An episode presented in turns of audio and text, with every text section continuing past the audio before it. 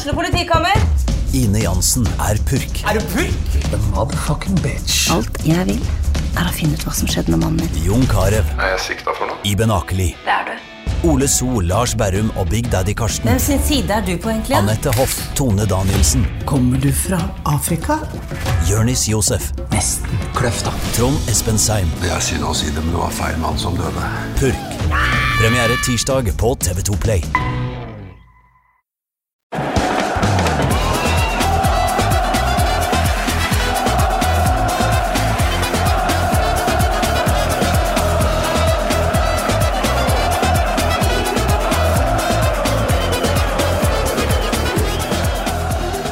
Velkommen til en ny episode av Pyro og Pivo, podkasten som alltid gir deg PSG, Messi, Neymar, milliardoverganger og alt det snackset fra den internasjonale moderne toppfotballen som du kan ønske deg. Nei da. Mitt navn er Morten Galaasen, og i dag så skal det handle om Messi, Neymar, PSG, svære pengesummer og alt det dritet som kommer med den moderne toppfotballen. Jeg har eh, veldig liten kunnskap om dette sjøl. Det er en verden jeg ikke kan, ikke fikser. Så jeg har eh, omringa meg med folk som kan eh, snakke om det. Vi har så mange i studio her nå at jeg går nesten i surr. Jeg må bare sette i gang. Tobias Dale, velkommen tilbake. Tusen hjertelig takk. Du har blitt vår um, Europaligamann. Ja. En av dem, i hvert fall. Ja. Og uh, ja, nå er du også en uh, Nå er du med på andre ting. ja. Veldig hyggelig. Takk for, takk for at jeg ble invitert. Så er jo ingen av oss sånn helt forberedt på hva vi uh, kommer til, men jeg håper jo på en organisk samtale eller debatt um, som også inkluderer uh, deg, Daniel Jensen. Velkommen tilbake til deg også. Takk, takk. Vært med én gang tidligere. Ja. I uh, veldig uh, Altså, da hadde vi mer hår på huet begge to. Ja, det er ikke sant i mitt tilfelle, men Den spede starten. episode 41. En PSG-fans bekjennelser. Det, ja, du, du forklarte mye av eh, åssen i helvete man kan ha genuin fotballinteresse og være PSG-fan samtidig den gang. Men du skal få sjansen igjen i dag. Ja, ja, ja. Og til syvende og sist, eh, den syvende far i Pyro Pivo-huset, Paul Thomas Clay. Velkommen tilbake til deg òg. Hjertelig takk. Du er jo da her som en slags megler, i form av å være fransk fotballentusiast generelt, og mangeårig kommentator da, da Viaplay eller Via-plattformen hadde League 1. Det er riktig. Eh, Jeg gjorde en sånn opptelling i fjor jeg, over eh, hvor mange kamper jeg hadde gjort, og hvilke forskjellige lag og sånne ting, og det har jo vist seg å være ganske mange. Mm. Men PSG var det laget jeg soleklart har kommentert flest ganger. Absolutt flest ganger, og, og, og jeg er jo en av de få gjenlevende kommentatorene i Norge som kom, har kommentert PSG før QSI kom inn. En av de få gjenlevende. Ja, men det er ikke så mange Det Som er er er kommenterte de før QC kom inn. Nei, det er kanskje sant. det. Eh, Det var, det var ganske smalt uh, før QC kom inn, faktisk, i, i norsk sammenheng. Og det er noe så selvforklarende som Qatar Sports Investment, eller noe sånt. Mm. Eh, Vi må nesten starte med deg, Daniel. For um, tilbake til den episode 41 så hadde jeg noen kritiske spørsmål til Jeg kjenner deg jo litt fra før. Ja, Eh, heldigvis. Overfladisk. Og eh, klødde meg litt i huet over at eh, jo da, det er, eh, jeg, jeg holder fortsatt med PSG, til tross for at eh, disse QSI har tatt over, og den klubben som du en gang ble glad i, kanskje ikke var helt gjenkjennelig. Eh, Det har gått noen år siden den gang. Er du, er du fortsatt uh, knytta til eh, PSG? Man er jo det. For, fordi for meg er jo som fotball Det er jo kultur. Det er identitet. ikke sant? Så når du først har eh, hva skal jeg si, trådd inn den veien der, så er det veldig vanskelig å legge det fra seg. Altså, jeg har full respekt for ja, de som eh, legger vekk Newcastle og brenner Newcastle-skjorta si når, Mm. når det skjer òg. Samtidig som jeg tror det er ganske enkelt å sitte kanskje i, her oppe i Norge og, og raljere og være høy og mørk. Jeg syns det er veldig lett. Ja, når du da ikke er født og oppvokst da, på Tyneside og har opplevd mye drit, og kanskje ikke har det veldig enkelt ellers i livet òg, og Mm. fotballen er liksom det stedet du har å gå til, da er det, da er det jo greit at eh, det lever. Og nå lever det virkelig. Um, Du tweeta jo for ikke så veldig lenge siden at den største fortsatt er Pauleta. Å ja. Uten tvil. Eh, og da er det jo greit å gli over til deg, Tobias. Er du enig i at eh, PSGs største spiller noensinne er Pauleta, eller eh, vil du som den største Messi-fanen jeg kjenner, eh, hevde noe annet? Nei, altså, er eh, Messi er jo ikke den største PSG-spilleren eh, gjennom tidene. Det er i hvert fall helt klart. Da vil jeg si at Pauleta har en større posisjon, eller en sterkere posisjon enn Messi. Men jeg tror nok PSG-supportere vil være uenig eh, i at den største er eh, Pauleta også. Uh, hvis, hvis man gjør et tverrsnitt av alle PSG-supportere, så vil jeg vel gjette på at det navnet som dukker opp flest ganger blant den største gjennom tidene, kanskje er Safet Sosic. Ja, Han kommer jo høyt opp, De har jo hatt diverse kåringer. så Sosic er jo høyt oppe. altså Luis Fernandez er jo, var jo enorm som spiller. Enorm som trener også, ikke minst. Ehm, så, så det er mange om, om beinet der, men eh, det er klart Pauleta, Sylvain Ama altså Spillere som, som var der i mange år, selv når det var ganske ræva. Uh, troner jo høyt blant fansen, i hvert fall. For det har vært ganske ræva.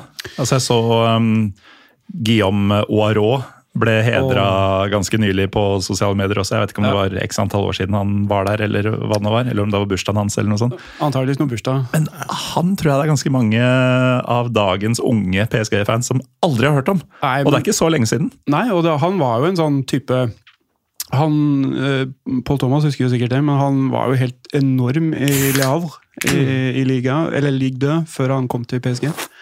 Og en sånn enorm, litt sånn derre Adel Tarab-type. Sånn Streets Won't Forget. eh, Mhm. Men kidsa i dag, vi har jo ikke hørt. Han var, han var ikke en blendende spiller, var òg. han var litt sånn beinete. Han var ganske høy og hengslete. Han var litt sånn Hva skal vi si? Ja? eh, Ikke helt ulik eh, Haaland, men han bare hadde ikke avslutningsferdighetene. Altså, eh, til en viss grad, da. Ja, litt sånn Haaland, bare uten styrken, uten avslutningsstrikken. Ja. Men uh, Men Han var en eh, artig type, men han var en av de første ofrene for det nye regimet da, som kom i 2011. Ja. Ofrene. Det, det er fint. Følte du deg noen gang som et offer da det nye regimet kom inn som gammel PSG-fan, Daniel? Ja, som vi snakka om litt på ute på, holdt på å si, pauserommet her, at eh, alle ønsker seg vel å ha en type eh, lokal president eller en lokal eier som gjør det ut av en enorm kjærlighet til klubben. Litt sånn som han en av de mer tidligere presidentene i PSG, han Francis Borelli, som eh, når de tok sin første tittel, løp ned på, på Parc du Prince, for der tok de sin første cuptittel, kyssa gresset og var en helt, helt gærning. Det er klart alle vil jo ha en sånn en. Mm. Men så er det jo litt sånn da, med den eh, hva skal jeg si, moderne fotballen, at skal du, skal du utfordre noe som helst, så må du ha penger. Sånn har det blitt. Eh, Det er Du kan jo ikke lykkes i dag uten, uten penger. Vi har eh, fått inn et før vi går inn på saken. Altså, jeg må bare si til lytterne grunnen til at, vi, snakker om disse tingene i dag, for det er jo litt lite Pyro Pivo-aktig, egentlig. Det er jo at det er jo et kaoselement i, eh, i PSG nå som man vel ikke har sett lignende til siden lenge før eh, QSI kom inn. Eh, Med bl.a. Neymar og Messi i antagonistroller. Og det skal vi grave litt mer i. Men før det så har vi fått inn et direkte spørsmål til deg, Daniel. Fra Tor Christian Karlsen, tidligere sportssjef i Monaco. Og Start. Og Start. og ja, Makabi Haifa. For reference. Fredrikstad. Uh, ja. The, the Offices won't forget. Uh, Tor Christian Karlsen. Han lurer på spørsmål til Kaffe Georg. Hvorfor har han blokkert meg? Du har altså blokkert uh, TK Karlsen på Twitter.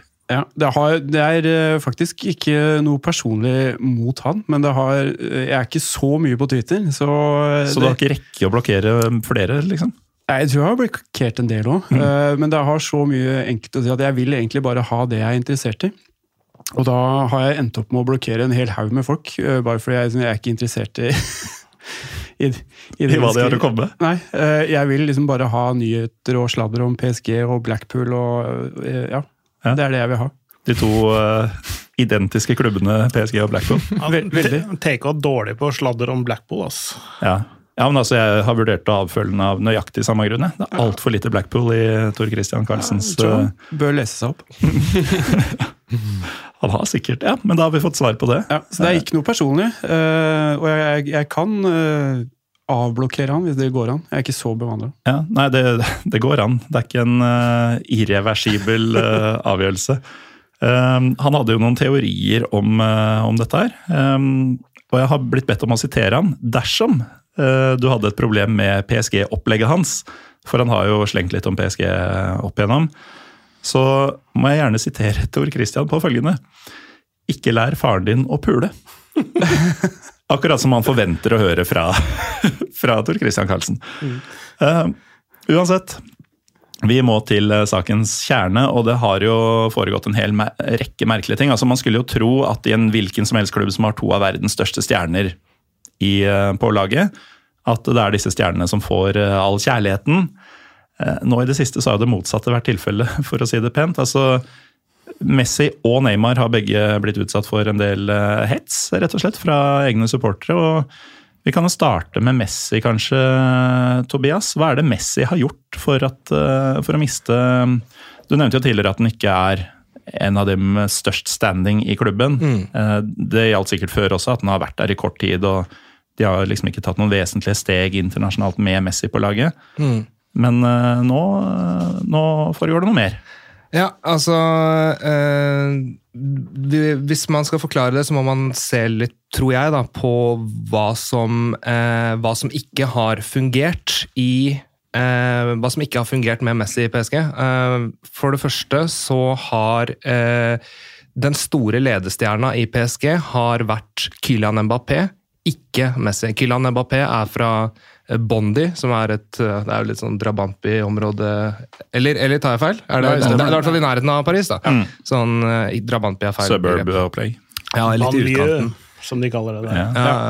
Ja. Um, og jeg tror at eh, Og så kommer det også eh, Med Messi så kommer det en hel del forventninger. Da de signerte han, så kom han også med en pakke med andre spillere. Donnaroma, Sergio Ramos, Hakimi, Nono Mendes osv. Eh, Seriøs sommer. Og Vainaldum. ja.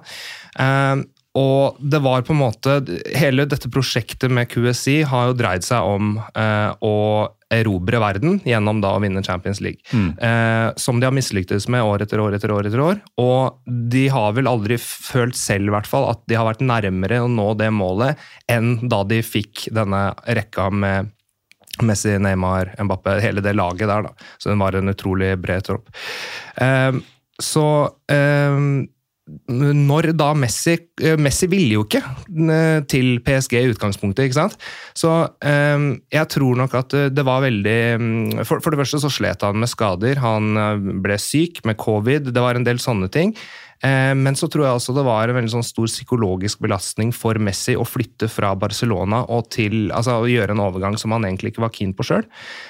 Og prestasjonene hans den første sesongen de var ganske middelmådige. Eh, og Messi måles opp mot Messi, som er et av hans store problemer. At han blir Han trenger ikke spille veldig dårlig før han blir kritisert. Eh, og dette med at Mbappe er eh, ledestjerna i laget, det tror jeg på en måte tar litt vekk av den derre ansvarliggjøringen av Messi, som du har sett i Barcelona på det argentinske landslaget, hvor han i senere år med alderen, som skjer med mange spillere, som stjernespillere som blir eldre. De får naturlige lederroller. Den har ikke Messi fått ta med PSG. Og så eh, blir selvfølgelig Messi da kritisert for at han ikke bryr seg om klubben. Og, det, og, og, det er egentlig tilsvarende eh, på, i Barcelona. Det som er interessant, da, er at i Barcelona var det jo motsatt. Da var det sånn at Han presterte fantastisk i Barcelona, og så spilte han ikke så bra for landslaget. og Da ble han beskyldt for, beskyldt for å ikke bry seg om Argentina, eh, som var feil. Men det at han ikke bryr seg om PSG, det stemmer nok. Han, mm. eh, han har nok vært der også mye for nettopp å bygge seg opp til dette verdensmesterskapet eh, som han til slutt vant. Så det er noen av faktorene. Det er sikkert flere. Mm. Ja, men det tror jeg du har helt rett i. fordi det var jo litt den følelsen alle, eller veldig mange uh, eh, PSG-supportere satt med uh, på begynnelsen av sesongen, når det egentlig alt gikk på skinner og det, det så ut som treet bare skulle vokse inn i himmelen. Så satt man jo med en litt sånn følelse av er det, er det bare nå at eh, både Neymar uh, og, og, Messi driver og bygger seg opp til VM? Er det er det, det som skjer? Um, og det kan jo ha sett sånn ut. Ja, det så jo litt sånn ut. Eh, jeg har hørt at Messi faktisk lyktes i VM. eh, som foregikk i QSI, holdt jeg på å si. Så mm, det bygger nok litt opp under den teorien også. Men eh, det er vel nå for et par uker siden at han virkelig havna i hardt vær. Ja, eh, altså mens eh, Messi da var og spilte VM Jeg kan bekrefte at han, han har vært og spilt eh, VM nå i det siste. Og mens han var der, i eh, Qatar, så eh, møttes da eh, Team Messi, som da primært, eller i hovedsak, main man er jo Horge, faren hans, far og agent, eh, var i møte med Nasser Al-Khelaifi, eller hva han heter, og mm, andre representanter fra PSG. Og de ble Unnskyld. De ble verbalt enige da om at uh, vi, uh, vi signerer eh, kontrakt som strekker seg ut uh, ja, som strekker seg to år fram i tid. Um, og eh, dette skjer jo da i en sånn eufori, altså en sånn følelse av eufori mens Messi spiller mesterskapet. Han eh, ikke bare går mesterskapet veldig bra, men han har jo også, Messi finner jo tilbake til seg selv ganske tidlig i 2022. Og jeg tror at eh, Messi kjenner at eh, jeg har mer på toppnivå å gjøre. Um, og eh, når da denne ja, Så blir det snakk om at de skal ta opp disse samtalene i eh, februar, januar-februar, men parallelt med det så eh, kollapser PSG. Og det har egentlig sammenheng med en rekke ulike ting, bl.a. hvordan de bygde opp laget i sommer, hvor de da Ja, vi kan gå egentlig inn på det etterpå, kanskje, men ja. Hva var egentlig spørsmålet ditt, Morten? Nå begynner jeg å prate meg bort og Ja. så jævlig lenge. Nei, Beklager. det, det gjelder eh, den siste tida, eh, hvor Messi har, eh, han har vært utenlands.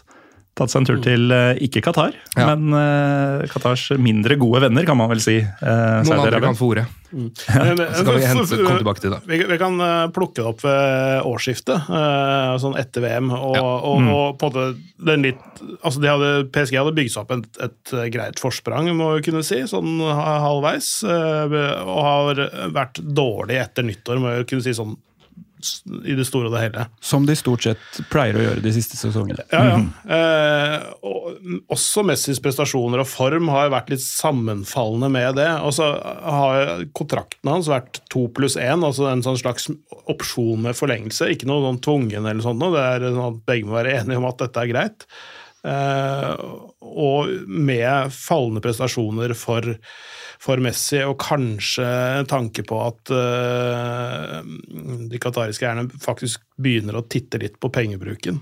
Uh, og begynner å tenke litt mer hva, om det, det smaker like godt som det koster, holdt jeg på å si. Uh, så, har de, så har de Det var i april. Uh, sportslig rådgiver Campos ringte han og, og sa Eller leieren til Messi og sa at vi kommer ikke til å fornye kontrakten. Så det, det er, Ja. eh, det er eh, fram til sånn april-ish. Og så kan jeg kommentere bare det, for at eh, ja, prestasjonene har vært dårligere fra Messis side, men det er jo egentlig det er en sammenheng her i hele laget, ikke sant? ja. Ja, det, er ikke, det er ikke bare han, og det er overhodet ikke. Nei, og, altså, jeg bare tenker sånn mot Jeg syns Bayern-kampen illustrerer det ganske godt. fordi der kaster de på to 17-åringer eh, på tampen. Og hvis vi begynner å ramse opp de spillerne som de kvitta, har kvitta seg med i løpet av sesongen, det er liksom Angel Di Maria, ikke erstatta. Keylor Navas, ok, han er andrekeeper, men han er ikke erstatta. Og så har du Julian Draxler, du har Sarabia, du har Wijnaldum. Altså, du har en rekke med spillere. Icardi, eh, Rafinha, eh, Ander Herrera, eh, Ghana Gay. Den lista er enorm.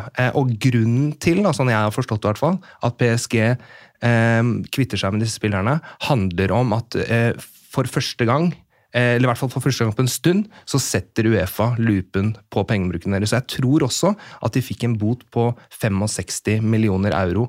Eh, fordi at de hadde Foran denne sesongen så brukte PSG 109 av inntektene sine på lønninger. Så det er jo bakgrunnen for at troppen har vært ganske smal. Og når da Neymar blir skada, så har de rett og slett De har ikke noen som er i nærheten av å, av å erstatte noen av hans eh, kaliber. Så det har rett og slett bare forvitret, da. Det, det laget som egentlig så ganske bra ut, syns jeg, tidlig, tidlig høst. Offensiven har vært egentlig ikke bygd opp sånn på et system, men mer på enkeltspillere. ikke sant? Altså det, litt sånn som også for tre år siden, når de hadde det Quatre Fantastique som med Cavani, Neymar, eh, Mbappé og Di Maria. Og Di Maria. Som, eh, hvor de, under Thomas Tuchel, egentlig. Hvor de var fantastiske. Men der, var, der så du det veldig tydelig. At du hadde en blokk som forsvarte, så ga de ballen til de fire framover. Ja. Og så var det et sånn løs problem med gutta. 7-3-formasjon. Ja. Ja, og så har du bevisst tatt et valg før, før denne sesongen her. Eh, både på direktørside og, og trenerside. Eh, så det blir jo spennende å se om, om eh, Galtier overlever. eh, om de står ved For det er vel kanskje det som har litt sånn eh, vært sva, Eller det er jo mange svakheter. Altså man kan ta PSG på, på masse. eller i hvert fall, om ikke klubben, så i hvert fall eierskapet kan man ta på masse. Så Hva var det jeg skulle si? uh, nei, det er altså om Galtier overlever. Ja. Mye svakheter. Ja, um, men at de da velger å satse på Satse på ungdommen. eh, en helt bevisst strategi, også i, i litt sånn i forhold til supporterne. Fordi de har fått mye motbør for denne her, eh, hva skal jeg si, vanvittige litt sånn Real Madrid 2-0 Galacticos-approachen sin. Og det Galacticos i Real Madrid vant jo én Champions League-tittel. Ja, Og forsøk nummer to i Paris har vunnet null Champions League-titler, så det er kanskje ikke veien å gå. da. Nei, og det, og det, er litt, eh, det er litt talende, og det er sånn, nesten litt sånn poetisk sånn uh, fotballhistorisk, at den ene gangen de faktisk kom til finalen, så var det en av deres egne som skårte finalens egen eh, eneste mål, En som ikke var god nok men, i sin for, men for motstanderlaget. Kingsley Coman. Må jeg nesten arrestere deg der. Han var faktisk god nok. Han ble tilbudt kontrakt også, men, ja. men eh, han valgte, Juventus å, la ja. ja, valgte å gå til Juventus, hvor han egentlig ikke gjorde det spesielt bra der heller. Før han da endte opp i, i Bayern. Så Og, og også, når alt skal sies, gjort det ganske middels i baren. Når man ser på seriekamper og sånne Ja, ting. Han har ikke, har ikke vært den viktigste barnspilleren, men, Men akkurat der- i den finalen så var han jo der. Men Så, så det er derfor jeg tenker at det er jo veldig poetisk. Det er jo Det, det er det. Mm. Jeg har lyst til å bare tilføye en ting til, eh, til det du sier. At um, eh, dette med at de, Som jeg tenker er viktig da, å få fram, det er at den uh, PSG har eh, gjort et retningsskifte i sportslig strategi, og det er ikke noe som har skjedd i februar. Det skjedde allerede i fjor sommer. Det, altså I mai i fjor så handlet alt om å få eh, signert kontrakt med Kylian Mbappé. Det var viktig av mange grunner. Sportslig åpenbart, men også kommersielt med tanke på at han skulle være en posterboy inn mot Qatar-VM og sånne ting. Og da ble han jo i praksis både sportssjef og klubbdirektør og alt mulig på en gang for å onde, holde der. onde tunger sier det, men det er, det er, ikke eh, men det er igjen da, det er veldig lett å ta eh, onde tunger at du sier det, fordi det er veldig lett å ta Og det forstår jeg jo. Altså, sånn, hvis du ikke har fulgt med PSG siden 80-tallet, så er det veldig lett å ta dem på alt mulig rart, ikke sant? Um, men, men han framsto i hvert fall Og han slipper jo unna eh, Det har jo vært litt trøbbel med supporterne og, og Kylian Mbappé eh, tidligere år, eh, hvor han nettopp har liksom blitt litt beskyldt for å ikke bry seg, han også. Um, men du ser jo han stadig vekk på, eh, på damekamper, på håndballkamper, eh, ungdomskamper.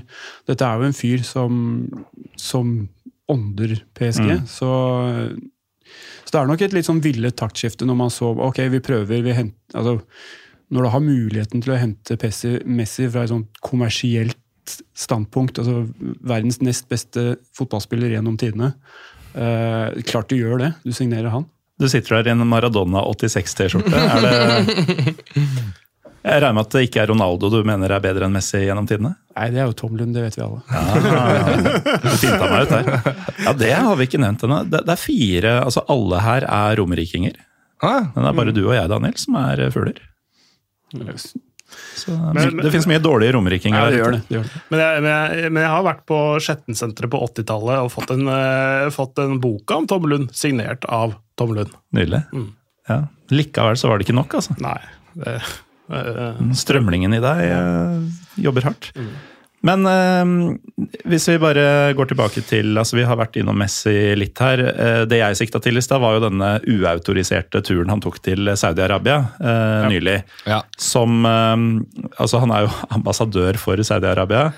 Eh, samtidig som Saudi-Arabia og Qatar ikke nødvendigvis er verdens beste venner. Han jobb, spiller jo for et eh, lag eid av Qatar, eh, som unge, onde tunger vil hevde. Jeg er den onde tunga i dag. Min tunge er generelt ond. Eh, men den turen var jo ikke bare at han egentlig ikke hadde lov til å dra, men han missa også en trening, og det ble altså Vi var innom det i stad, at han eh, kanskje ikke bryr seg så mye om klubben, da, siden vi var innom det temaet. Um, så der har du Messi akkurat nå. Eh, ble, ble, vel suspendert i et par uker av klubben, har bedt om unnskyldning til klubben. Ja, og det også er jo en sånn fin ting å ta PSG på. Eh, fordi alle snakker om at han ble suspendert i to uker, men klubben gikk vel aldri ut med noen eh, tidsbegrensning på hvor lenge han var suspendert. Men det er liksom en sånn mm. Jo... Og han er jo tilbake Utestengelsen gjaldt jo egentlig å komme inn på treningsanlegget, men nå får han lov til å komme inn på treningsanlegget og trene for seg sjøl. Ja. Han har trent med laget også. Ja, ja. Hele suspensjonen er opphevet. Han kan mm. spille mot Ayaccio til helgen. han Ja. Ikke sant? Så, så det, det, starta, det starta der. Så ja, det, ble, det, ble, jo i praksis fem dager, da, ikke 14. Men, men, jeg tror jo det som var greia, var at PSG eh, vanligvis, som jeg forstår det, så har de to dager treningsfri etter kamp. Men etter kampen mot Lorient, hvor de tapte 3-1, så fikk de ikke denne frien. Og så er Det da... Det ble trukket tilbake den ja. kvelden, ikke sant? så, sånn at eh, ting du har planlagt de neste to dagene, må du gjøre om på. Ja, altså, Jeg tror, tenker jo at det er én versjon fra Messi og en versjon fra PSG. Ja. Og hvem av de som er riktig, det, det, vet ikke vi. Får vi aldri svar på. Nei, ikke sant? Um, Eh, så, og den um, Men så er det jo et, gull, det er jo et gull eksempel. Uh, hvis hvis du, virke, hvis du, er PSG da, og skal virkelig kjøre på at du skal uh, dyppe litt inn i den parisiske polen av unge spillere, uh, og du allerede vet nå at du ikke kommer til å signere en ny kontrakt med Messi altså Det fins jo ikke noe bedre uh, utgangspunkt for å gjøre et standpunkt om at nå er det nye tider, vi tolererer ingenting. Mm. Suspendere en fyr du ikke kommer til å signere videre, er jo skal, det er jo problemfritt. Det var, det var, akkurat det som var poenget mitt. Altså, jeg er helt, helt, enig med deg. Jeg tror det er det, det dette her handler om. Eh, og, og, det har vi egentlig ganske grei empiri på også, fordi ja. Neymar er ikke alltid han har møtt opp på, på, trening. Han har de ikke su suspendert, selv om han har prøvd på alle mulige metoder på å komme seg vekk fra klubben, i 2019 f.eks., eh, da han ville tilbake til Barcelona. Og, eh, og det her handler ganske enkelt, tror jeg, da, om at eh, Eh, Neymar hadde de en verdi av å holde fornøyd den gangen. Ja. Messi, Messi, han har eh, fire kamper igjen å spille for PSG, og så har ikke han mer å gi til klubben. Da er det liksom, det er, det er så mye gevinst da, i å straffe han. Siden vi nevner Neymar, da. Ja. Eh, der har det også vært noe greier i det siste. Han fikk jo besøk, han. Ikke helt uh, ønska besøk, kanskje. Ja. Mm. Så ultras Altså, når Eh, franske ultras drar på hjemmebesøk som du ikke har bedt om, da er det ikke greit å være deg. Nei, og så er det vel også en viss diskusjon om det var en, en organisert for Om det var et uh, kollektiv uh, Ultras Paris som var der, eller om det var enkeltpersoner som var der. Uh, de lærde strides. ifølge eller Crip i dag så er, vel, er det vel medlemmer av KUP som er observert utafor der. Da, og da det er jo noe av bakgrunnen for hvorfor da presidenten i PSG eh, tilbakekalte billettene til eh, Ultras i forrige kamp mot, når vi spilte borte mot Troy, eh, som da bare eskalerte av dimensjoner. Mm. Ja, altså Kortversjonen er, eh, Clay. Eh, Neymar sitter hjemme med aner fred og ingen fare. Så er det spetakkel utafor. Ja, det, det, det, er jo videoer av det som ligger ute. Uh, så, så, det er nesten det som beskriver det best. Uh, men ja, altså Nei, han har jo vært en Han har vært litt sånn inn og ut i, i varmen hos, hos fansen i egentlig hele perioden hans mer eller mindre. Jeg hadde kanskje en fredningstid på et halvt år, eller noe sånt nå, men så begynte jo Men når februar-mars kommer, så er det jo både karneval og uh, søsterens bursdag og, og det, han, det, er vel Det er vel én sesong, tror jeg, hvor han har vært skadefri hele våren. Ja. Uh, og, det, uh, og han, har, han ligger vel Med den lengre skadeperioden han har hatt nå, så ligger han vel, har han vel dippa under 50 igjen av tilgjeng tilgjengelighet, altså, av tilgjengelighet til de kampene PSG har spilt.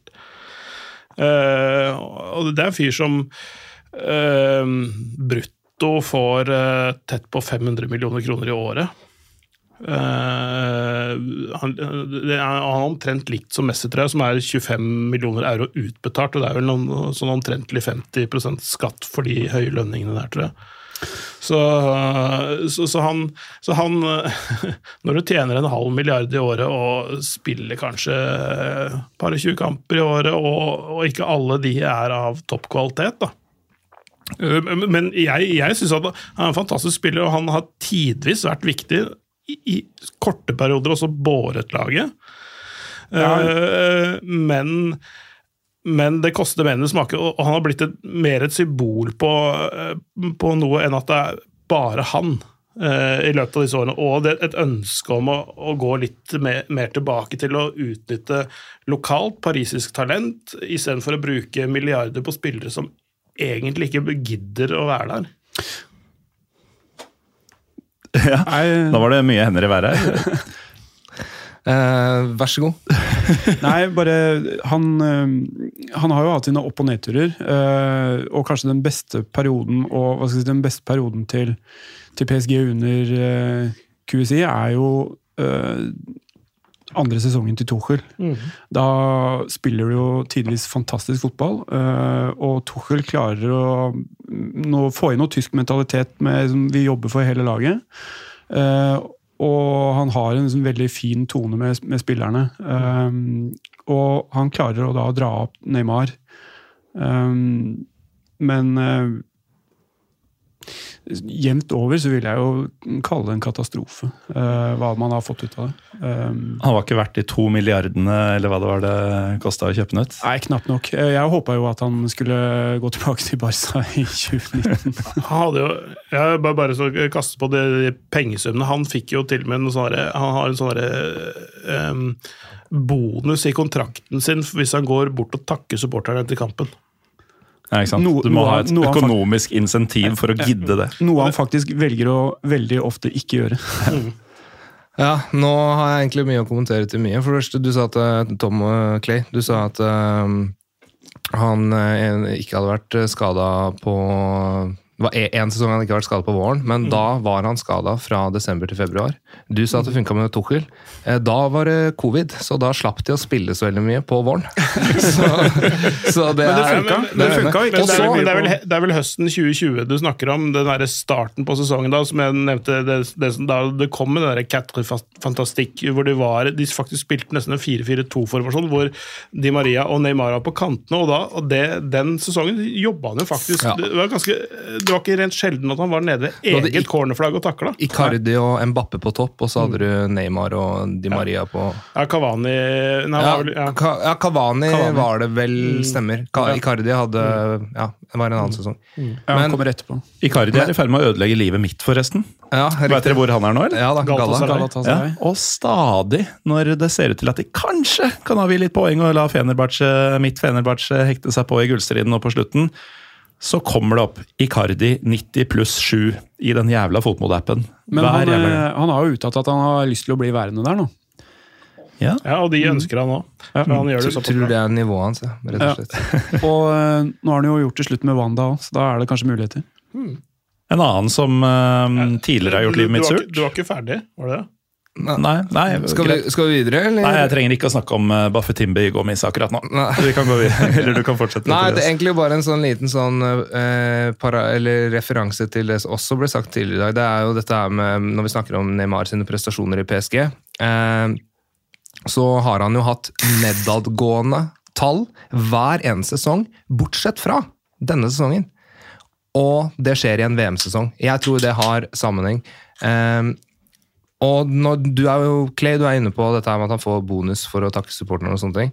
Og jeg tror jo at uh, litt av det som er uh, problemet til Neymar, fordi at disse skadene han alltid har, og sånne ting, det er veldig lett å liksom hekte det på sånn uprofesjonalitet og dårlige holdninger og sånne ting, og kanskje det er en del av det, men husk på at Neymar har, altså han er en vanvittig god fotballspiller. Altså Det er helt ekstremt. Jeg mener Neymar er undervurdert. fordi at eh, det er Folk tenker om Neymar, så tenker de om en som aldri nådde potensialet sitt, og en som filmer og oppfører seg som ei klyse. Ja, generelt ekkel fyr. Ja, og det, og det er helt riktig.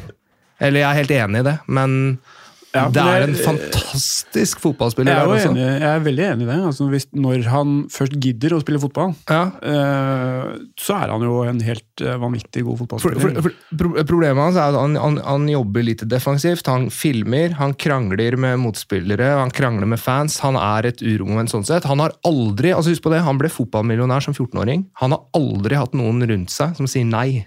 Han har fått gjøre akkurat som han vil. Det eneste unntaket er Barcelona, og det tror jeg handla rett og slett at han kom til Barcelona så ble han rett og slett litt starstruck. Han kom på det laget, skjønte at jeg kan ikke være nummer én, helt til han blei så god at han ble for stor for Barcelona. Følte han burde være nummer én. Ja, riktig. Og dro, dro til og, og det tror jeg på en måte er liksom der, det er, det er kjern... Og, og, men samtidig, da, hvis jeg skal prøve å liksom være litt djevelens advokat, jeg, jeg skjønner Neymar òg. Jeg skjønner når han blir pepet på av PSG-fansen for tross alt vanvittig gode prestasjoner. Ok, kanskje ikke i forhold til hva som forventes og hva han koster og hva han får i lønn og sånne ting. Men jeg kan på en måte jeg, Og jeg tror det med Neymar da, jeg, jeg tror han, Hans hovedproblem er at han sliter med motivasjonen. Han, eh, han har mista den gnisten ved å spille fotball. Han syns ikke det er noe fett lenger. Og han, jeg tror han takler jævlig dårlig at han får kritikk. Jeg tror han liker det ekstremt dårlig. Og kritikk har han fått i høyeste grad i det siste. Daniel, du som eh, følger klubben. Dette hjemmebesøket jeg snakka om i stad. Er det noe spesielt som har skjedd i det siste, eller er det bare generell sånn nå, nå har vi fått nok av deg-type ting? Det er vel mer et utslag av at nå, nå er det så mye som er eh, som, som gjør fansen i harnisk, da. Um, og ja, det har jo vært mye fram og tilbake med, med Neymar, men, uh, men mest uh, har det jo lagt han for hatt. Uh, og det stammer stort sett altså Litt kan du tilskrive prestasjoner, men mest det når han ønska å forlate klubben uh, og gå tilbake til Barcelona. Eh, og sån, sånne ting gjør du liksom ikke ustraffa. Uh, det vil alltid bli brukt mot deg, og så kan det bli en litt sånn våpenhvile hvis du drar lasset og drar laget. Så kan det gå i bero, men med en gang det da begynner å gå, gå dårlig, så er det jo kommer det opp igjen som, eh, som bare det. For, for det var den sommeren 2019, ikke sant? Ja. Hvor, det, hvor, det, hvor, det, hvor det skjedde. Jeg husker, jeg husker det ganske godt, for han, han, det var i starten av sesongen så spilte han ganske bra. Så jeg lurer på om han hadde ikke bare én, men to sånne brasseskåringer. og Han var liksom, spilte helt fantastisk og liksom var den artisten han absolutt kan være, ikke sant? Uh, og, og, og det for det hadde vært noe piping i, sånn, i de første kampene den sesongen, da, etter, Ja. etter den sommeren. Også, men, så, men så gjennom prestasjoner og artisteri så klarte han å få de på sin side igjen, så den der ble glatta over. Men, et, men etter hvert så har det liksom gått ned igjen. da. Når det er sagt, av hans filming, jeg må bare si det med eh, eh, Når jeg har sett så mange Neymar-kamper Og hvis du hadde hatt altså Det, det fins jo sånn player cam, ikke sant? Eh, hvor du kan følge en spiller under kamp. Hvis du hadde hatt et kamera som bare filma anklene og føttene til eh, Neymar Jeg er 100% enig. Du vet hvor den skal. Altså, altså, altså, altså Det med filming altså, Ja, kanskje han virker litt sånn teatralsk når han får vondt, og sånne ting, men hvis du, jeg har aldri sett en spiller bli tråkka på så mye. Kakka på hælen, kakka på altså akillesen.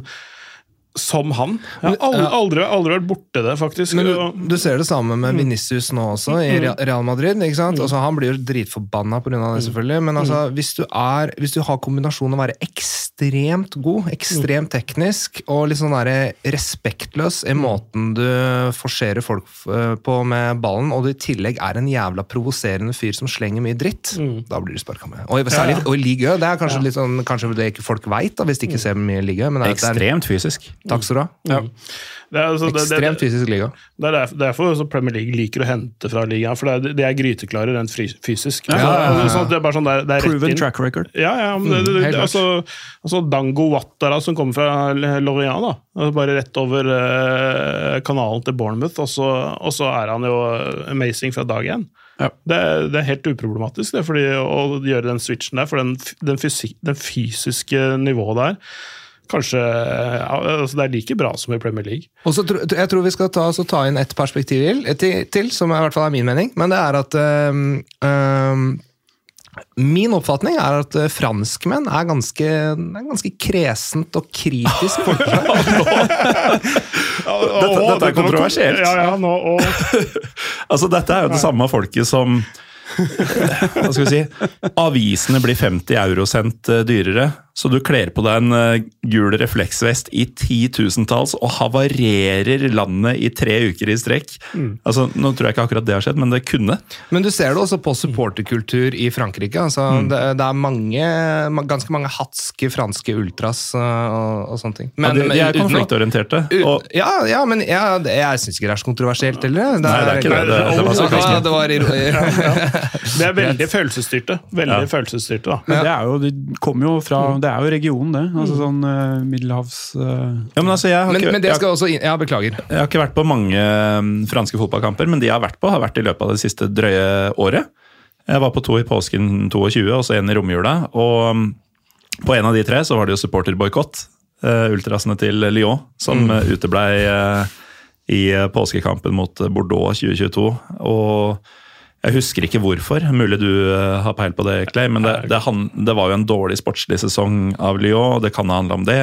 Det kan ha vært noen sånne smågreier. Men terskelen for for å lage litt sånn furore eh, i Frankrike, den er ganske mye lavere enn mange andre steder. og, men det er jo generelt i samfunnet òg, for det er jo kulturelt betinga.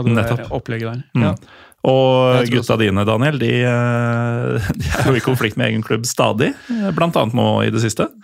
Ja, og nå er det mer et sånt sammensirium av alt som er gærent, egentlig. Mm. Alt fra billettpriser til uh, utforminga av hvordan drakta ser ut. Uh, og uh, ja, det er eh, det, Hva man ønsker å framstå som, kanskje. Eller være. Ja. De, de ønsker jo veldig den her, uh, hva skal jeg si, parisiske modellen, og man har jo da en del, uh, man har jo en del talenter på, på benken, og en del som, sånn som eh, Warren Emry, som har fått uh, godt med, eller greit med, spilletid, Mm. greit med spilletid i år. Eh, han er jo et, et vanvittig talent, i tillegg til at de har noen- også noen andre meget spennende spillere på banen. Mm. Ja, Og så har de jo Gabri også, som ikke har, ikke har fått så mye tid. Men de har jo mye gode spillere. Og så er det jo klart at uh, det har jo ikke vært en veldig heldig sesong med tanke på sånn som Marquinhos, som egentlig har vært en, en supportfavoritt i, i mange år uh, gjennom sin væremåte. Og han er jo alltid den første som kommer bort og takker etter kamp og sånne ting. Så hadde de en liten incident eh, borte mot Monaco hvor hvor det var litt frustrasjon allerede fra før av. Hvor han prøver å trekke hele laget bort for å ikke gå bort og takke Mm. ultrasen som har dratt. Eh, så det er, det er masse sånne episoder gjennom eh, sesongen, spesielt da etter jul. Og, og hvor da, det må jo legges til, da, hvor Kim Pembe går bort og beklager seg om- Hvis det er samme kamp vi snakker om, det var Monaco-kampen. Kim Pembe er jo Ja, de tapte 3-1, da. Altså, Monaco Ja. vant 3-1 i den kampen. Ja, ja. Kip Pembe er borte og, og snakker med dem. Ikke sant? Han er jo Ja. parisisk født og oppvokst, eh, gått gradene i klubben. I tillegg så går jo da uh, Warren Sayemri bort og Ja, ja, takker. eh. Gabri takker. Altså alle de lokale unggutta. Så det er en Mm. ganske sånn markant uh, kald revolusjon uh, i klubben. Hvor eh, så får Personlig håper jeg jo at eh, at det er den veien det går. Uh, ingenting hadde vært uh, liksom kulere enn det.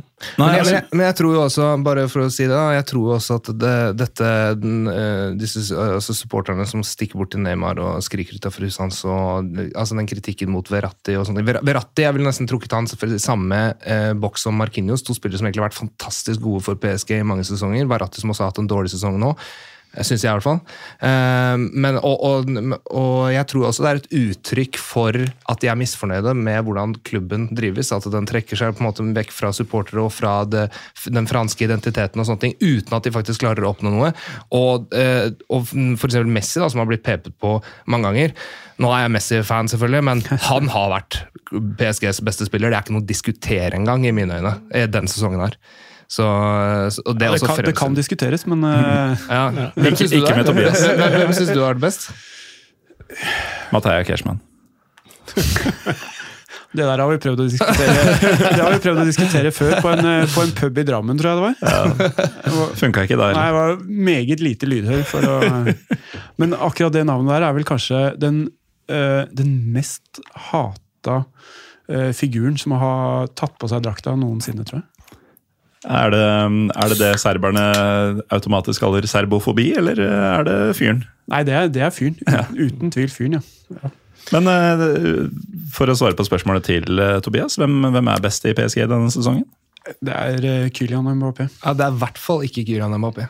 Han har vært en skygge av seg selv denne sesongen, her, sammenlignet med hvordan han var. Forrige sesong var han klart best.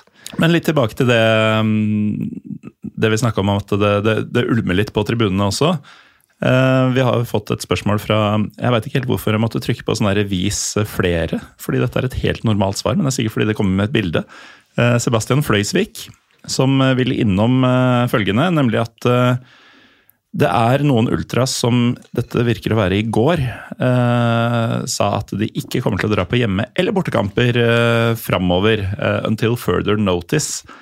Ja. Er det tilbake til det vi har snakka om, at eh, man prøver å definere klubben, eller er det fordi man Ja, man er hva skal jeg si, eh, fundamentalt uenig i hvordan klubben drives. Mm. Eh, og det går jo For det har vært Og så tror jeg det bare kulminerer nå uh, Pga. også prestasjoner på banen. Uh, men Ja, og så kan det jo virke som, for meg som lekmann, da, at man på en måte har mista litt kontrollen over de store stjernene.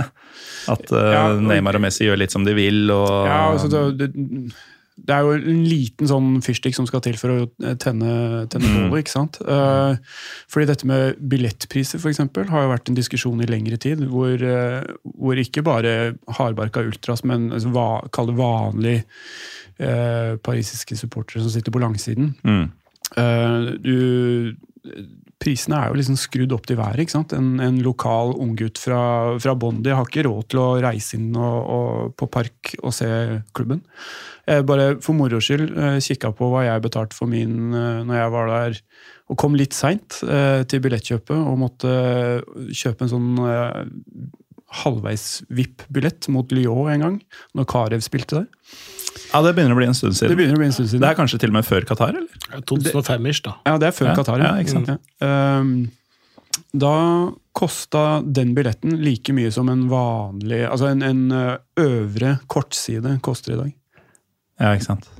Og det er ikke det er ikke konsumprisindeks vi snakker her. Nei, det er, det er ikke inflasjon kun. Ja, det, det, det er litt av altså et bilde og problem ved, ved den moderne fotballen på det absolutt øverste nivået. Da. Ja, bare, og bare legge til en ting som jeg kom på nå, og ikke for å avbryte, men Mm. det har også vært mye diskusjon rundt hvor man skal spille.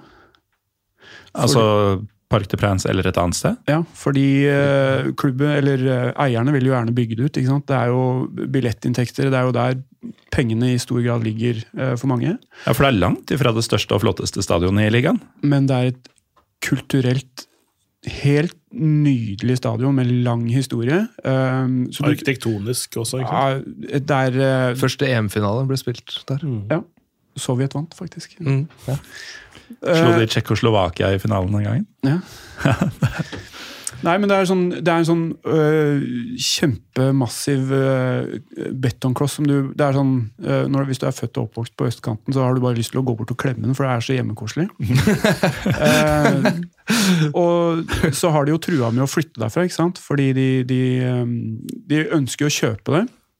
Og så er jo da ordføreren, eller byrådsleder, eller hva du kaller det, i Paris, eh, Anne Hidalgo, hun, eh, hun sier jo de, de byr en spotpris, eh, og vil jo ikke selge. Og da har de jo uttalt at de vil, eller de vil prøve å kjøpe Stade France. Mm.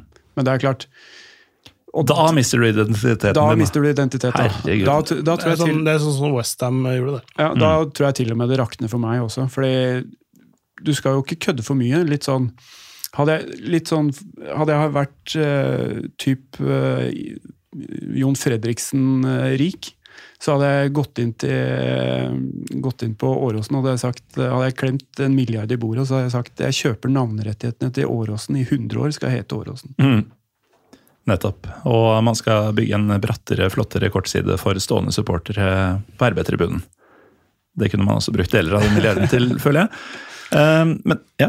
Jeg, jeg, litt, litt det der med, med prisene og, og den moderne fotballens utvikling. Nettopp det, der, det, det triste ved at, at ønsket med, til QC med sportslig utvikling, suksess i Champions League og sånne ting, og pengebruken deres inn dit, har gjort også da billettprisene og alt som alt det koster ved å følge PSG, har blitt så dyrt at disse, disse gutta, de lokale ungdommene, unge voksne, som, som vanligvis utgjør størsteparten av et fotballpublikum, de sitter på disse krakkene og steinene utafor stadion og ser på folk gå inn. For de, de drar til stadion for å få med seg stemningen, men de har ikke råd til å gå inn.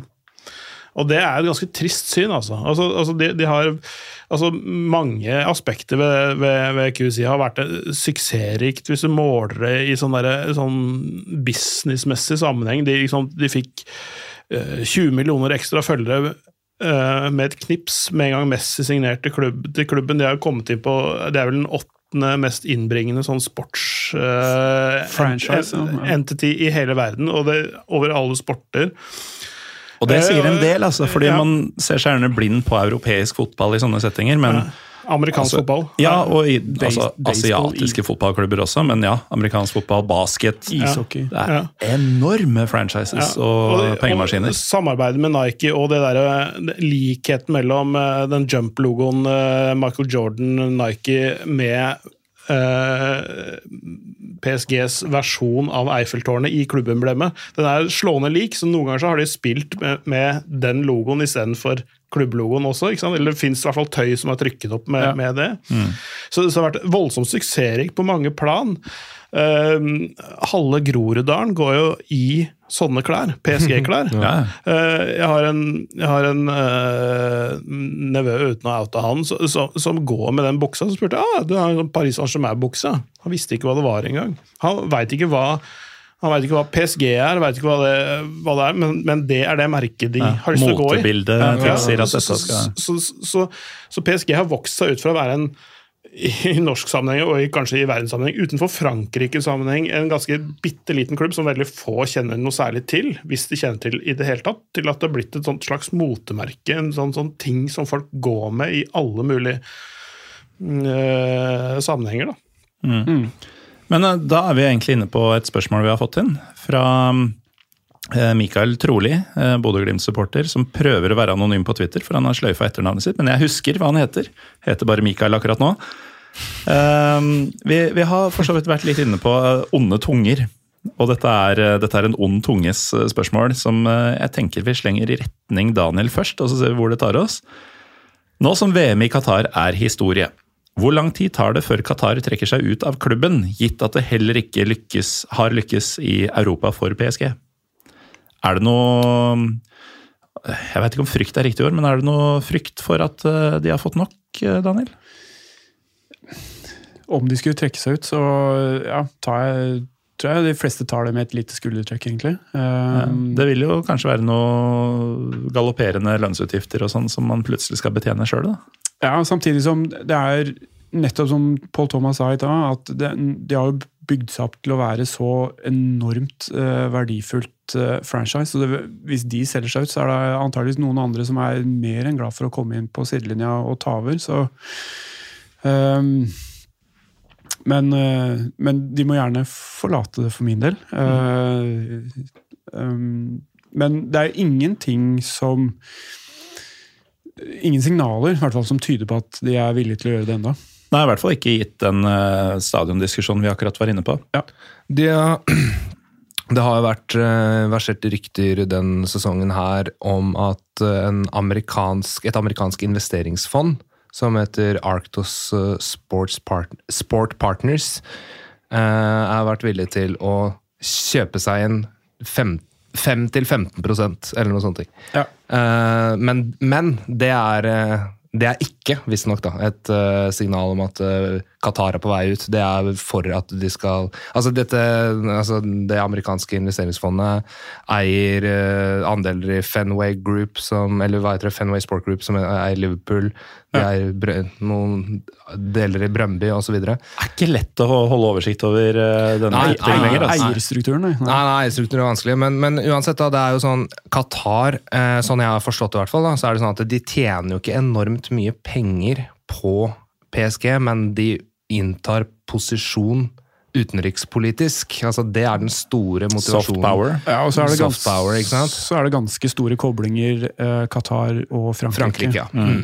Det, det var hele, hele greia til at det kom i stand. Det var eh, når Sarkozy var president i, i Frankrike på, på det tidspunktet. eh, Emiren i, i Qatar Altså eh, han som står over El Laifi ja. i, i rang, eh, og, og, PSG de, Det var snakk om våpensalg. Eh, Kjøp av franske jagerfly til Qatar, og så var det sånn, sånn at man som sørger for arbeidsplasser i Frankrike osv. Og så og Sarkozy er jo PSG-fan Ja, i utgangspunktet. Ganske, ganske lidenskapelig òg. Ja, ja, ja. Mm. Så det fins mørkemenn i alle klubber. Ja, så, så det ble, det ble ordna til, da.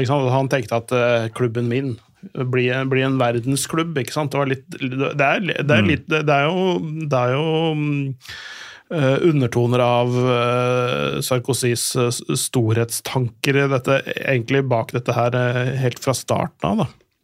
Han har vært fast uh, tilskuer eh, også etter at han uh, uh, tapte valget og Macron overtok. Som for, for øvrig er en Marseille-fan.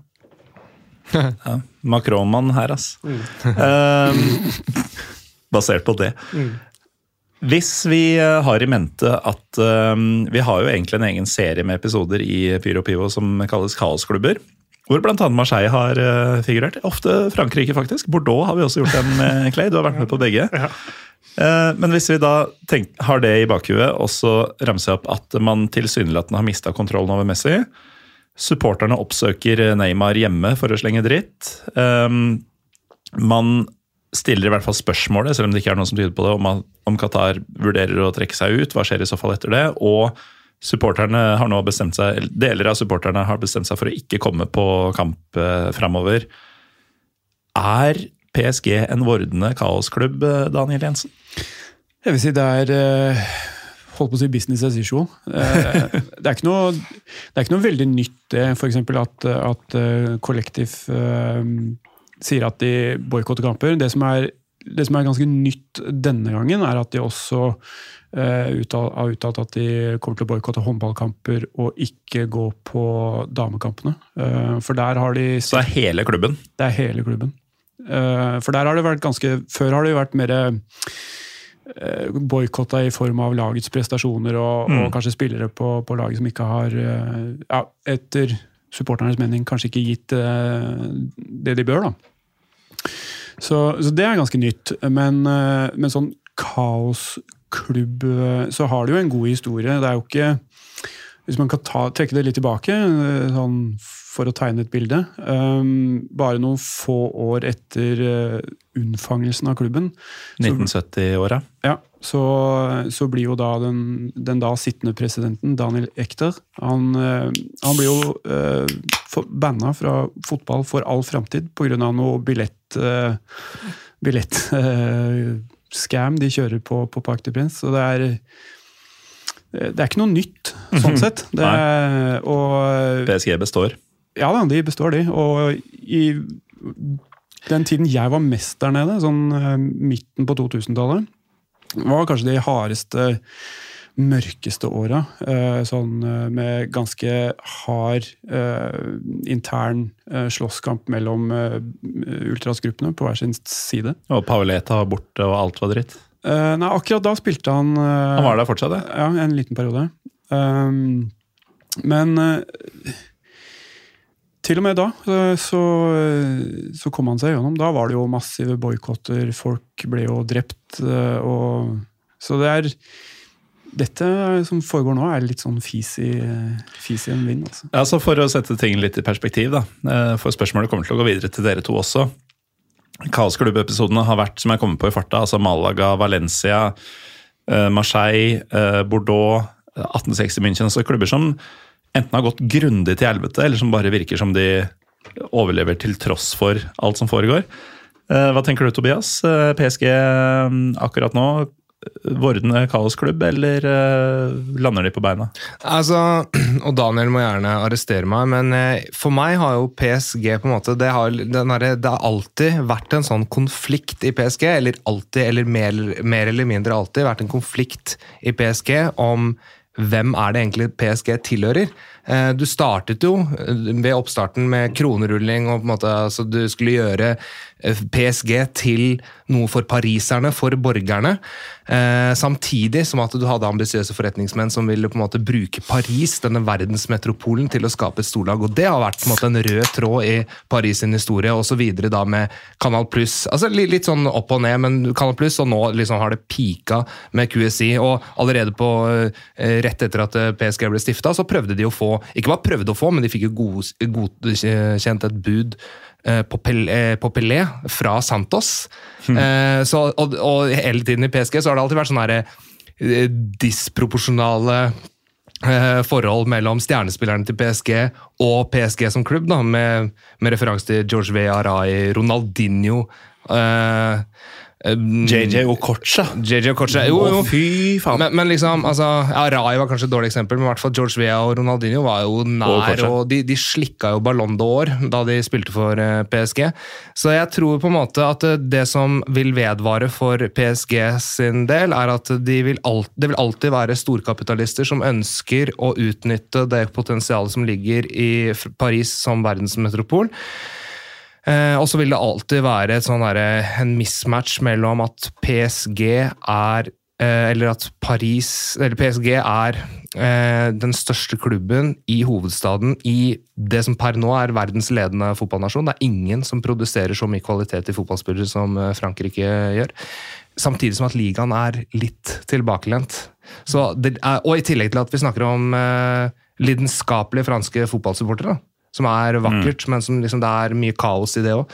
Så jeg tror på en måte det, det ligger til rette for både at det skal være kaos der fremover, men at uh, sportslig suksess, det, det vil alltid finne veien til Paris. Jeg vil jo si at Paris og PSG har hatt sportslig suksess til en viss grad, også de siste årene.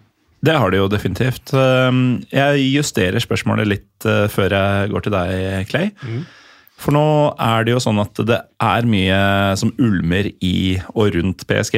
Det er noen runder igjen av ligaen. De leder med seks poeng i talende stund på Lans. Det kan ikke ryke, eller? Nei, eh, det gjør ikke det. Eh, Det er fire kamper igjen. De taper ikke de, de, altså de, de, de må jo da altså, For det første så må landslaget vinne alle kampene sine. Mm. PSG må tape to og spille en uavgjort. Det skjer ikke. Det skjer ikke. Det skjer ikke det, De, de vinner to av de fire siste. Det, jeg tror de cruiser det inn. Ja.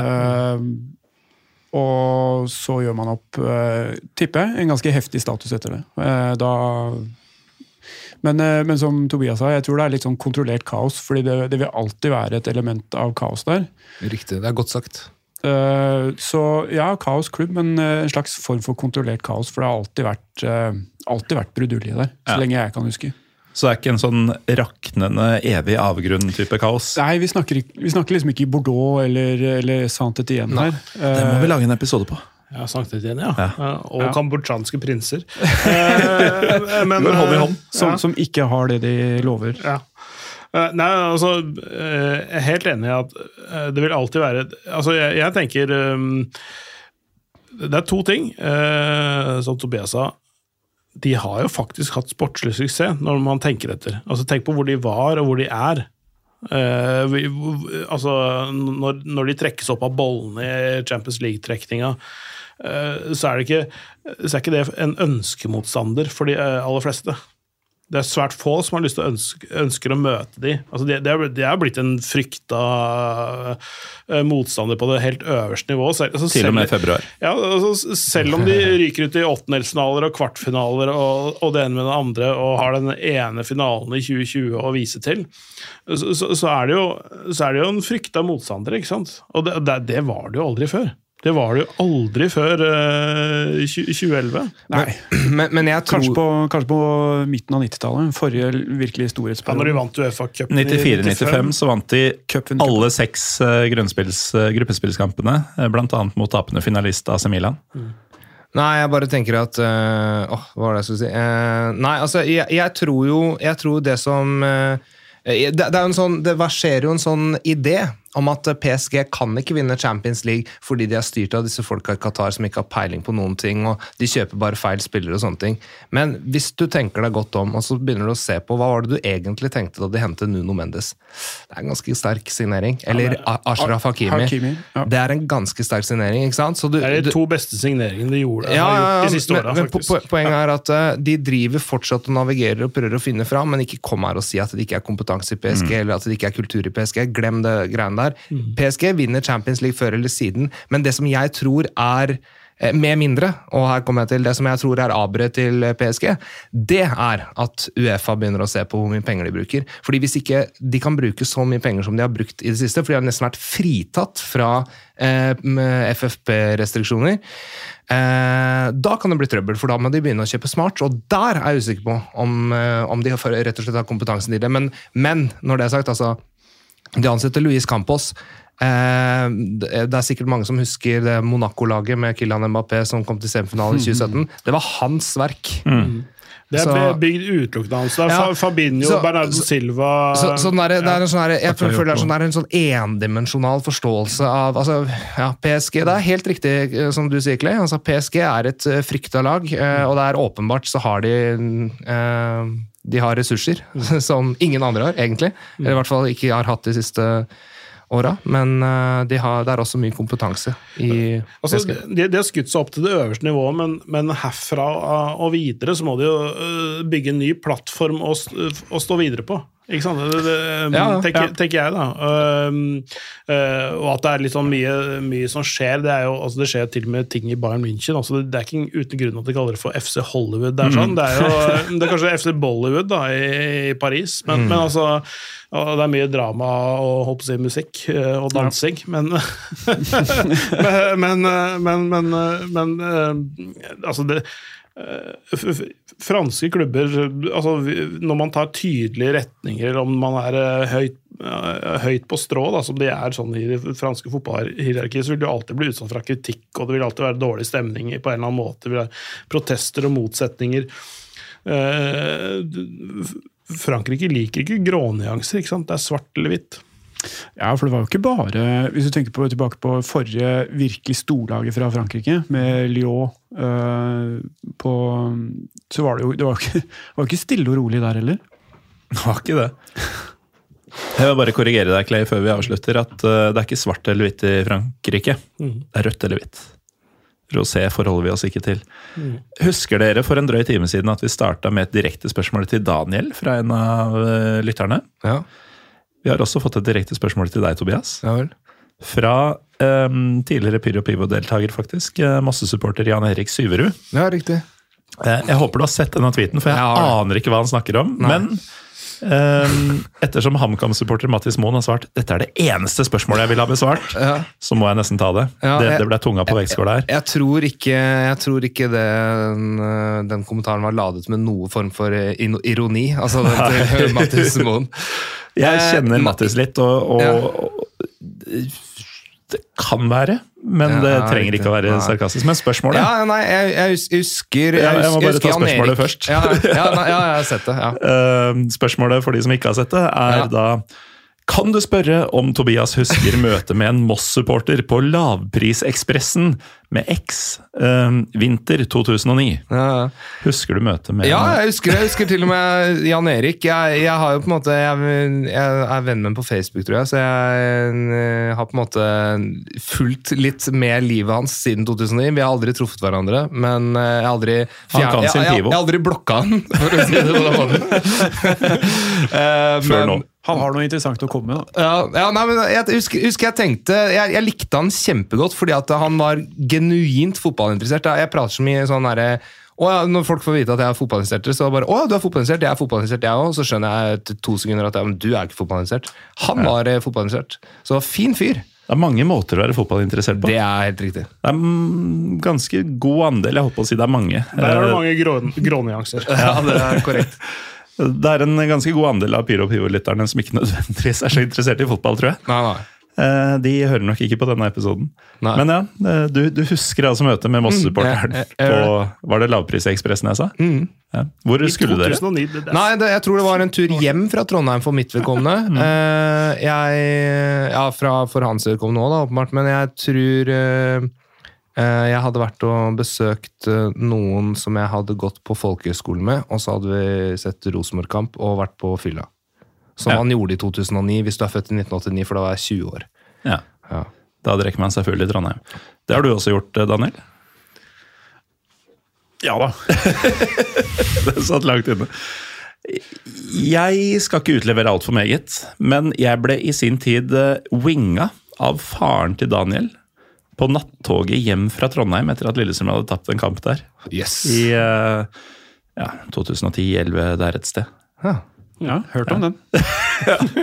Vi Så du var på. Lavprisekspressen ett år etter meg? Det er kult. Ja, Dette var ikke Lavprisekspressen, dette var, eh, Dette var natt- toget, ja. NSB nattog. Da De man kunne ikke- stole på Statsbanen. Da vi hadde en statsbane. De bemidla oss, vi fløy. vi. Ja, det, det har jeg først begynt med de siste åra. Nå som jeg nærmer meg før, så, så kan jeg fly hit og dit. Er det ikke før ennå? Nei, What? det er ikke Tobias heller, så Nei, det, det, det er- vi er- 20 pluss uh, Vi kan kjøre en to mot to i bakgården her 20 pluss, etterpå. eh, 20 pluss 14 klarer jeg å legge sammen. Ja, Det er helt korrekt, det. bra. Jeg tror vi er ved veis ende, men uh, vi er altså enige om at PSG tar, det, tar gullet i år også, Uh, selv om det teoretisk sett kan hentes inn. Vi er enige om at PSG er en slags kaosklubb, men ikke en som kvalifiserer til Pyro Pivo kaosklubber. De får ikke, de får ikke diplomet herfra. Nei, det blir et spørsmålstegn, eh, eller en såkalt asterisk, hva vi nå kaller det på, på norsk. Men eh, uansett så har vi gravd litt i eh, faenskapet, som omhandler både Messi, Neymar, PSG, plast, sjeiker, milliarder og alt det som vi aldri snakker om i Pyro Pivo. Lurer på hvor mange som fortsatt hører på. Uansett, eh, takk Paul Thomas Clay, Daniel Jensen og Tobias Dale for at dere var med. Og hvis du fortsatt hører på, så lover jeg at det blir jævlig mye særere neste uke. Mitt navn er Morten Galaasen. Vi er Pyro Pivopod på Twitter og Instagram. Og vi eh, er mye særere tilbake neste uke.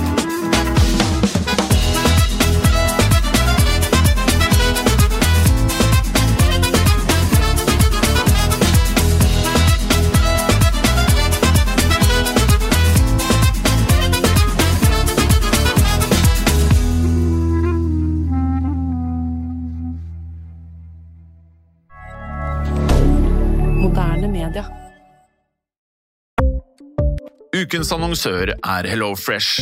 HelloFresh er verdens ledende matkasseleverandør og kan være redningen i en travel hverdag. Mange av oss har nok vandret i butikken både sultne og uten en plan for middagen, som ender med at vi går for de samme kjedelige rettene gang på gang. Middag burde være dagens høydepunkt. Som HelloFresh kan du nå velge mellom 25 ulike retter hver eneste uke, eller få HelloFresh til å sette sammen menyen for deg. Dette gir deg muligheten til å prøve nye og spennende retter alene eller sammen med familien. Du velger antall porsjoner og får alt levert på døren på et tidspunkt som passer for deg. Oppskriftene er enkle, og maten er lett å lage både for store og for små. Ved å få alt levert hjem får du også mer tid til å dele matgleden med familie og venner. Kanskje det frister med asiatiske tacos eller greskinspirert kylling? Da kan jeg anbefale deg om å gå inn på hellofresh.no. Her kan du bruke koden FOTBALL og få opptil 1779 kroner i rabatt på de første fem matkastene hvis du ikke har prøvd HelloFresh tidligere. Du kan også bruke rabatten hvis du har vært kunde og stoppet abonnementet ditt for tolv måneder siden eller lengre. Gå inn på hellofresh.no og bruk koden FOTBALL.